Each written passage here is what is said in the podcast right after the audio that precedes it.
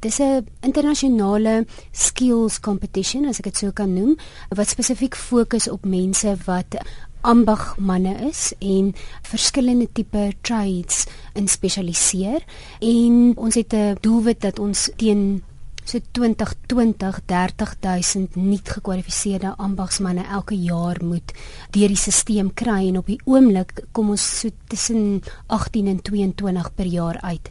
So ons moet 'n interessante manier kry hoe ons jong mense kan aanmoedig om ambagsmanne te word. Julle het nou Brasilia toe gegaan om teen die wêreld te gaan meeding. Hoe werk so 'n kompetisie? Watse uitdagings het hulle vir julle gegee?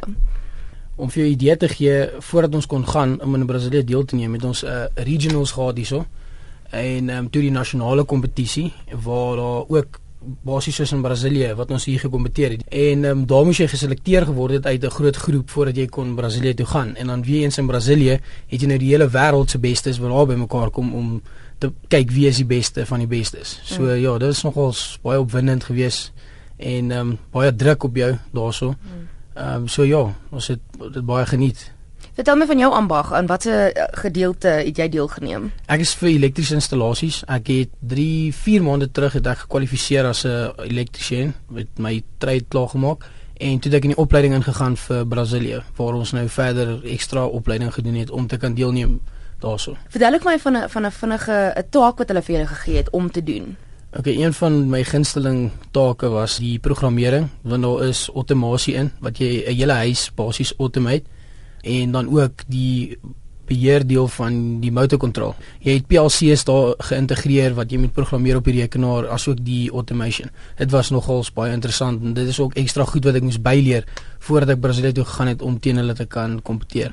Het julle geweet wat se take vir julle wag voordat julle gaan of was dit alles 'n verrassing? Jy het min of meer 'n idee wat jy gaan doen, maar op die dag van die kompetisie verander hulle 'n sekere persentasie wat 30% is van die toetsprojek. So jy het nie regtig 'n idee wat jy gaan kry. Jy het min of meer 'n idee, maar hulle gaan nog steeds 30% verander vir julle taak. Jandre, hoe het jy gevaar?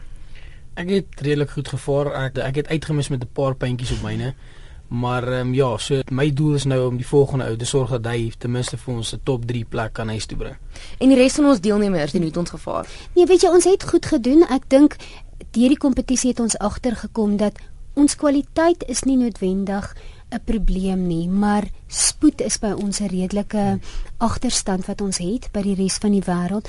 Jy weet, ons het 'n ander pas waarteen ons goed hier doen as jy dit vergelyk byvoorbeeld met Korea of Taiwan lande waar dit net heeltemal 'n 'n mindset is oor werk jy weet. So dis definitief iets wat ons in 'n volgende fase sal ons baie graag deelnemers wat na die internasionale kompetisie toe wil gaan of wat gekies is om te gaan wil ons hulle graag in een ander internasionale kompetisie laat deelneem voor hulle daar uitkom dat hulle verstaan hoe belangrik of nie dit gaan nie oor verstaan nie dat hulle voel eintlik in 'n kompetisie uh, omgewing hoe belangrik spoed is. So ek dink dit het ons deelnemers benadeel, maar ons is aanvanklik was ons 27ste onder die 59 lande.